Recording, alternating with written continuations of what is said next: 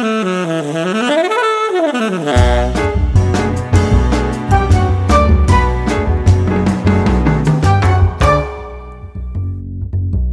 lytter til Selvpodden, en podkast fra Senter for livslang læring.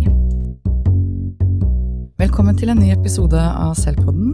Eh, I dag eh, Jeg heter Katinka Blikkfeldt, og i dag så har jeg akkurat kommet ut av en eh, samling for ledere i Oslo og har med en kollega. Jeg er kollegaen, og jeg heter Lasse Dahl.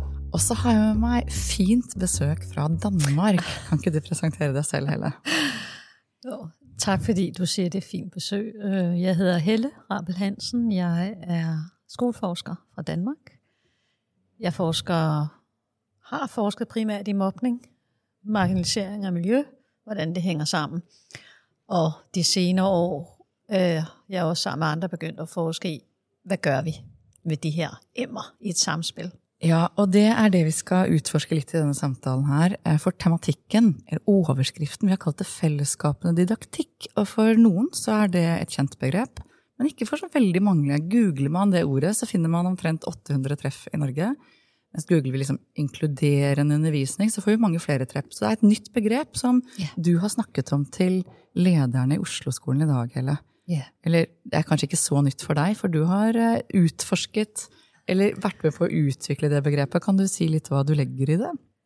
Ja, Eller hvordan du har kommet dit? Man kan godt snakke om stadigvæk, at det er nyt. Øh, selve begrebets ord, fællesskab, didaktik, det blev til i omkring øh, 2010, øh, 2011 i Danmark, og det er forankret i mobbeforskning.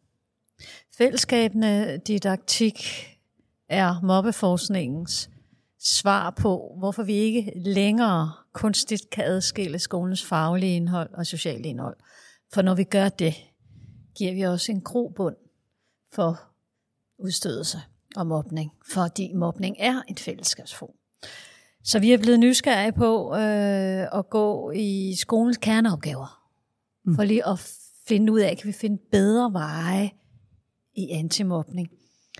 Og øh, så blev vi jo optaget af, hvad en god undervisning faktisk kan. Vi blev optaget af, at klasser uden mobning, som arbejdspladser uden mobning, de er kendetegnet af noget. De er simpelthen kendetegnet af, at der er en form for fælles passion om det at være i klassen sammen. At koncentrere sig om opgaven, skolegang.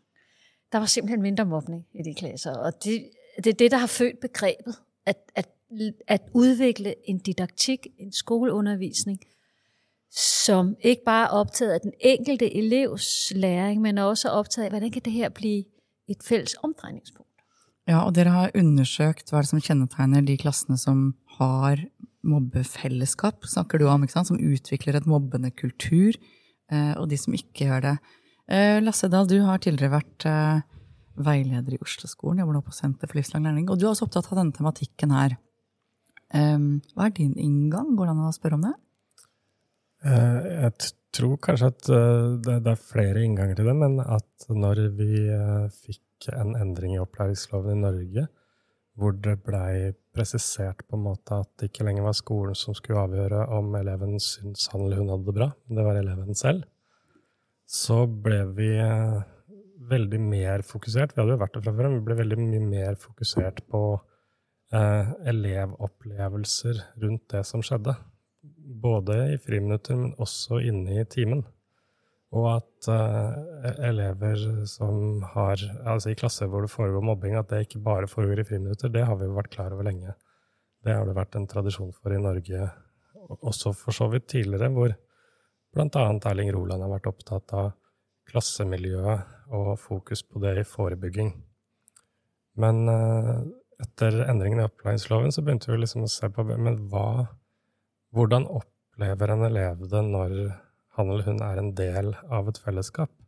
Hvilke elementer handler det om? Og det, det vanlige er jo at man snakker om at de, ja, de må ha venner, de må ha tilknytning, de må bety noe for noen andre, og de må kjenne at de betyr noe for noen andre.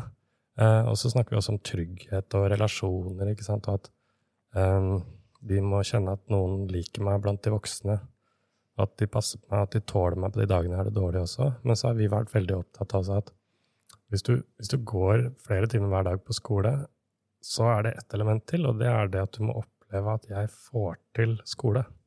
Jeg må på en måte mestre det det er å være på skole, på samme måte som barn mestrer å gå på ballett eller fotball eller i korps. De slutter jo hvis de ikke syns at de får til det som skjer der.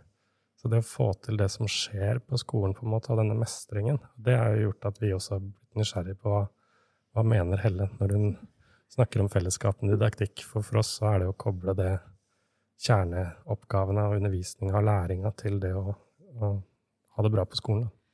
Ja, for det at vi, vi vet ganske mye om behovet for tilhørighet, eh, behovet for fellesskap. Eh, og Helle, du snakker jeg har lest eh, et av kapitlene i en bok som kom ut i Norge i fjor, som heter eh, Mobbeforskningens fellesskapsperspektiv. Var det riktig ja, tittel? Um, og der snakker du om det at man har Lasse er jo inne på det, vi har behov for et fellesskap. Du sier noe om det, men uh, du snakker om forskjellen på det formelle og det uformelle fellesskapet, og hvilke dynamikker som er i en klasse. Kan du fortælle lidt mere om det? Ja. Øh, når man træder ind på en skole, så er der klasseværelser, og der er skema, og der er, du går her, og du går der. Det er det formelle fællesskab. Det er de byråkratiske rammer, de strukturelle rammer. Det er vigtigt at iagtage, at der er forskel på det fællesskab, og så det mellemmenneskelige fællesskab, det relationelle fællesskab. Der, hvor mennesker bliver til med hinanden, udvikler sig med hinanden.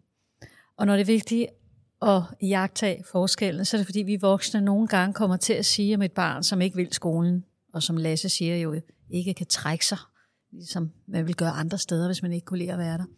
Så der kan der være tendens til, at vi voksne problematiserer barnet. Mm.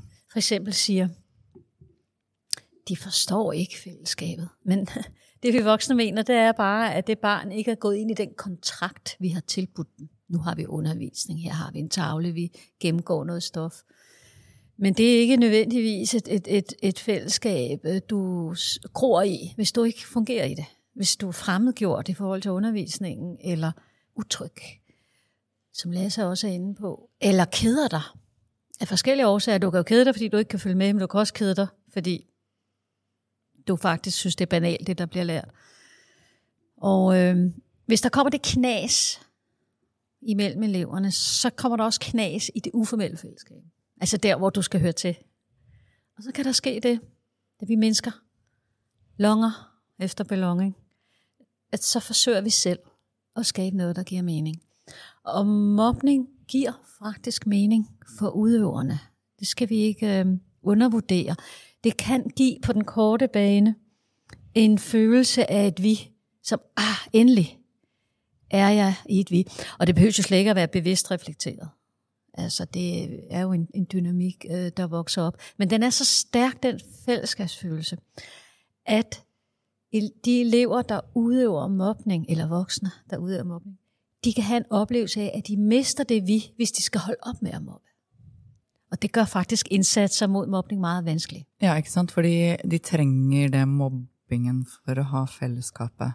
Så hvad er eh, da vejen at gå? For nu må vi ha en lidt sådan forenklet version her i denne korte episoden. Eh, hvad kan vi gøre, når vi vet dette? Altså vi vet noget om disse dynamikkerne.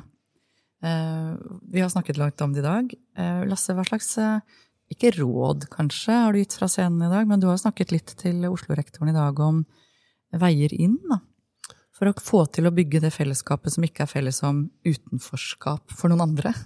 Nemlig, nemlig. Og hvem skal ta ansvar for det? For det er, ja.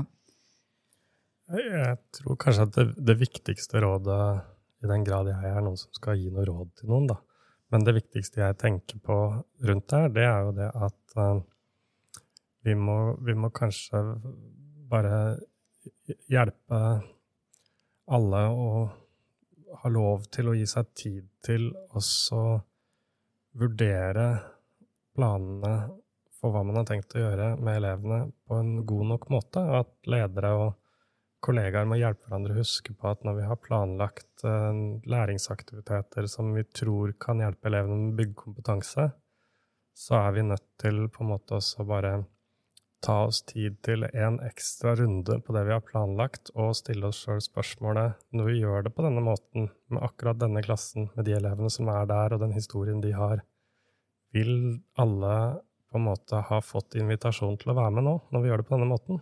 Eller mister vi noen? Og jeg tenker at på en skole som, som eh, hvor ledere bygger kultur rundt at eh, alle med betyr faktisk alle med, og ikke alle bortsett fra, så, så, vil man også kunne svare godt på det. Og jeg tror lærere har kompetanse til å svare på det, men det handler også om at det er viktig nok på en skole at man stiller spørsmål og besvarer det før man går ut og gjør det man har tenkt til. Og de nye læreplanene i Norge, altså fagfornyelsen, snakker jo om faglig og sosial læring som integrert i mange sammenhenger. Lærelyst er kommet som faktisk en del av vurderingsforskriften. Ja, eh, og vi snakker om medvirkning, så relevans, medvirkning, lærelyst og motivasjon. Og det å ønske å være en del av det faglige fellesskapet. Eh, det å lage rammer for det, istedenfor å tenke at vi skal inkludere noen som er utenfor, så skal vi skape det felles inni klasserommet.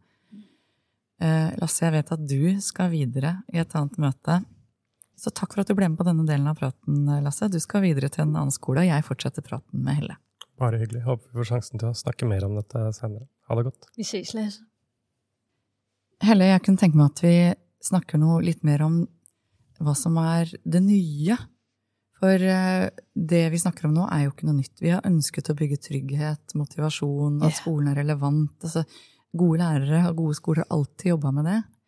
Men hva er da det nyere i forskningen som vi nå vet, som vi har endret, altså som ikke var sånn for 20 år siden? Da? Eh, du snakket om individ kontra fellesskapet. Kan du si litt ja. mer om den utviklingen? Ja, altså vi, vi, jo, vi er jo inspirert fra læringsteoriudvikling, kan man sige. Vi er optaget af, at både læring, og det gælder også den læring, der handler om at være med i et mobbende fællesskab. Det handler ikke om så meget om det enkelte individs personlighed. Det handler om, hvad individer sammen bliver til. Det kan gå i alle mulige retninger. Fællesskaber er ikke i sig selv positive eller negative, men det handler jo om i skolen, at vi får inspireret så meget som muligt til, at det bliver et tolerant positivt udviklende fællesskab. Og øh, inden for mobning er der sket et meget afgørende kundskabsskift, der følger det her, den her tænken. Vi har via nye mobbeforskningsstudier i hele Norden faktisk. Resultater, der peger på det samme, og det er, at mobning ikke handler om mangler i enkelte individer, godt være, at det ser sådan ud på scenen, men det handler om mangler i miljøet, i det helt lokale miljø. Og det, der kan mangle i en skoleklasse, det er en fælles samhørighed om det at gå i skole sammen. Og det vi mennesker er født med trang til at høre til. Vi longer for belonging, longing for belonging. Og vi er bange for at blive ekskluderet socialt. Og når vi er et sted, hvor vi ikke kan finde, hvad er meningen med det her? hvad er omdrejningspunktet, hvor ved, så kommer vi i kamp potentiale, og så forstærkes vores trang til at høre til, og vores angst for at blive ekskluderet forstærkes. Men der forstærkes også noget andet. Og det er, at man er villig til at gå langt for at få den fællesskabsfølelse. Og det at mobbe andre er jo at gå langt. Men det er altså en fællesskabsting. Det er noget, man gør sammen. Så eh, det ligger naturlig oss, i oss at vi vil høre til. Det skjønner vi jo. Det, det, gir mening, det du sier da.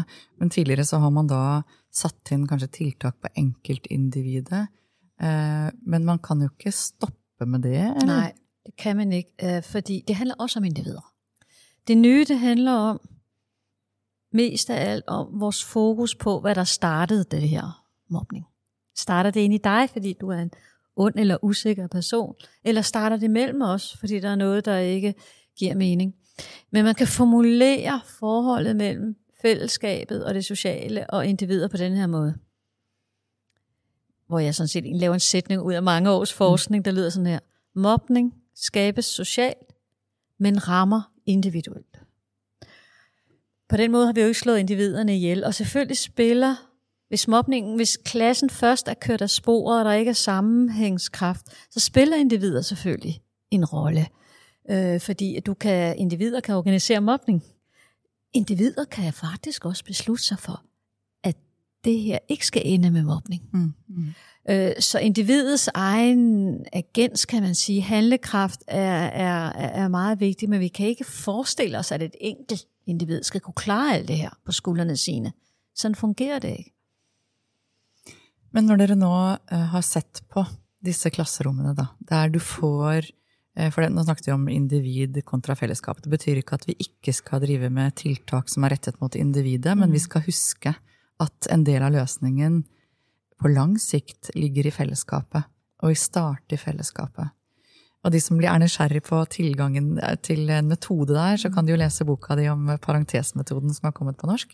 Yeah. Så legger jeg til link eh, under episodeinfoen til den. Eh, vi skal ikke gå videre inn i den nå, men hvis vi går tilbake til dette med fellesskap og individ, så uh, opplever jeg, når jeg leser det du har skrevet og andre har skrevet om fellesskap og didaktikk, at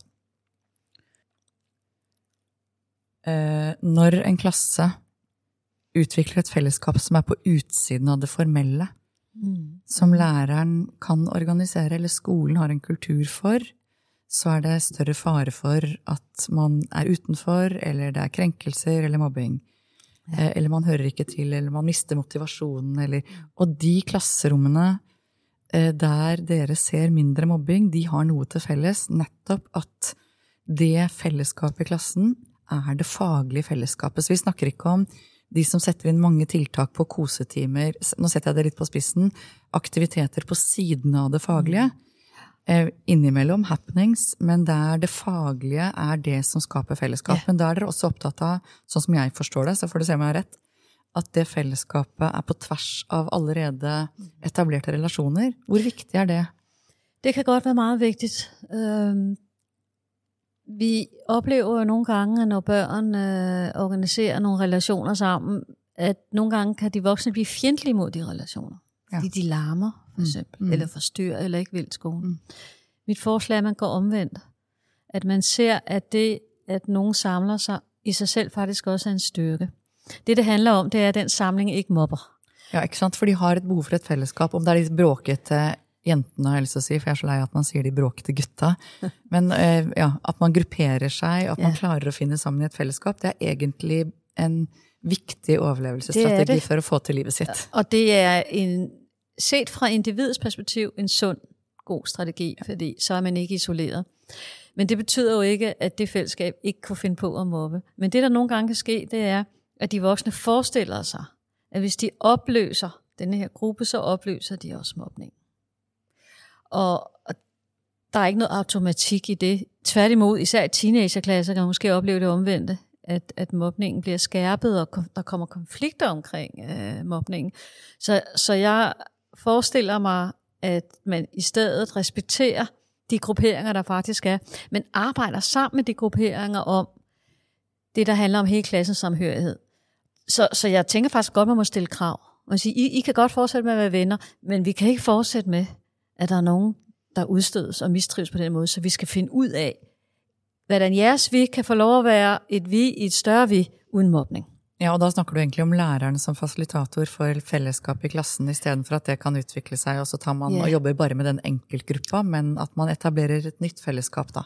Simpelthen. Hvor man inviterer alle inn. Og hva er liksom suksesskriteriene i, det, i de, den tilnærmingen? For det er noen punkter der som er viktige å ha med seg inn for det, å få det til. Det er det. Altså, der er nogle ting, der er vigtige at iagtage. For det første så er det vigtigt at jagtage klassens liv hen ad skoletiden. Der er nogle klasser, der ikke kan overleve overgange i forhold til, du kan godt have haft et godt fællesskab med hele klassen, men så bliver man teenager, og så sker der nogle ting. Klassen kan også helt fra start af faktisk være kommet negativt fra start på den måde, at der ikke er opstået et fællesskab om det at gå i skole sammen, hvilket giver grobund for øh, mobningen. Og så er relationerne til lærerne meget afgørende. Vi kan se i danske undersøgelser, vi har lavet, at jo flere elever, der positivt svarer på at have gode relationer til lærerne, det er også klasser med mindre mobning. Det er selvfølgelig ikke alting. Der er også øh, andre ting øh, på spil, men det er en af de, de meget øh, afgørende ting. Så der er nogle steder at kigge hen som lærer, som også handler om ens egen professionalitet. Og nu kan det lyde som om, man skal være socialpsykolog øh, for at være lærer. Øh, men det er faktisk ikke der, jeg vil hen. Jeg tænker det mere sådan, at den meget dygtige faglige lærer, og hvor fagligheden også handler om at få så mange som muligt med ind i fagligheden, at det er det, man skal styrke. Vi skal ikke gøre lærerne til socialpsykologer, men vi skal gøre lærerne endnu mere optaget af noget, de egentlig faktisk er optaget af, og var optaget af på studiet, nemlig, hvordan løfter jeg flest mulige børn ind i læringslyst. Ja, og hvordan gjør man det? Hva er det enkle svaret på det til en podcast på 20-25 minutter? Det handler blant annet om du snakket eh, fra scenen i stad om dette med å være medlærere og være Ja. hverandres, og invitere elevene inn. Okay, det var der, du ville hen. Ja, ja, vi, kan, vi kan jo gå dit, for eksempel. Ja, men det, der er nogle retninger. Vi kalder det nogle spor i det fællesskab, mm. didaktiske. Man kan også kalde det medfagligheder. Det er noget, der er tænkt ind fra start af sammen med begrebet. Ja, sånn man må planlegge for dette. Simpelthen. Du Ja. må både planlægge og forstå det, og der er det at central elevinddragelse. Og det vil sige, at man ikke bare spørger i geografi, hvad for et land vil I lære om? Altså, Elevinddragelse, det er medvirkning. Ja, Ja. mm. det er det nemlig. Du kan også kalde det didaktisk demokrati. Du kan også kalde det, at eleverne bliver medlærere. Og det skal selvfølgelig alder, det, du skal selvfølgelig give en aldersprogression. Men jeg synes, vi bruger vores teenager alt for lidt, når du tænker på, hvor meget viden de har. Ikke alene fra skolen, men fra livet. Og, og det er det, jeg også kalder for didaktiske gaver. Børnenes baggrunde, det steder, de er i livet, deres refleksioner, deres sårbarheder, deres etnicitet. Det, de interesserer sig for i fritiden. Alt det er didaktiske gaver. Så mit råd er at, at bruge det i undervisningen på den måde, at lærerne tænker kreativt. Hvordan i, noget, i, i Alexandras liv, er der noget i Alexandras liv, jeg kan bruge i undervisningen? Kan han bidrage med det? Eller kan jeg give ham stolthed og følelse af deltagelse, hvis jeg lige præcis inddrager øh, det her? Og ofte ved man jo meget om sine elevers liv, hvis der er gået et stykke tid, men jeg synes, man, man bruger det for lidt. Øh, så er der et andet... Ja, det handler egentlig om åpne oppgaver, og ikke planlegge alt i detalj, men gi rom for at elevene får medvirke. At man, Nemlig. Ja, men det betyr man er at fleksibel. ja, man være fleksibel. Ja, og nogen, mm. nogen bliver nervøse, når de skal være fleksible. Men jeg, men jeg vil opfordre lærere til at tænke sådan her. Bogen af, og IT og skemaet og den matematiske model og landkortet er ikke i sig selv didaktikken. Det er bare undervisningsmaterialer. Men jeg sammen med eleverne, og eleverne sammen med eleverne, det er den didaktiske kerne, altså relationen. Så det der med at bruge elevernes liv, det er øh, et spor. Et andet spor, som er meget vigtigt, det er at tænke i social ulighed. Mm. Fordi elever kommer med forskellige forudsætninger, men, men for, forskellige forudsætninger i forhold til, hvad vi som samfund har besluttet er forudsætning for skolen. Men de kan jo sagtens komme med noget, hvor de har forudsætning, en fritidsinteresse. Og, og, og hvis du inddrager det som en del af undervisningen, så bliver det altså en åbning for det barn, også til at gå ind i noget, som måske er lidt mere fremmed.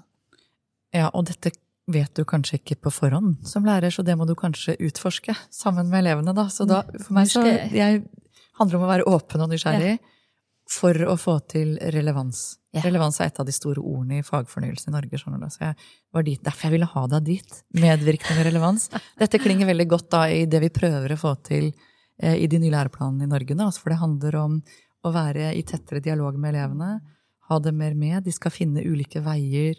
Eh, det skal være ulike veier til kunnskap. Eh, og jeg hørte du snakket om i sted den kraften når elevene lærer hverandre noe.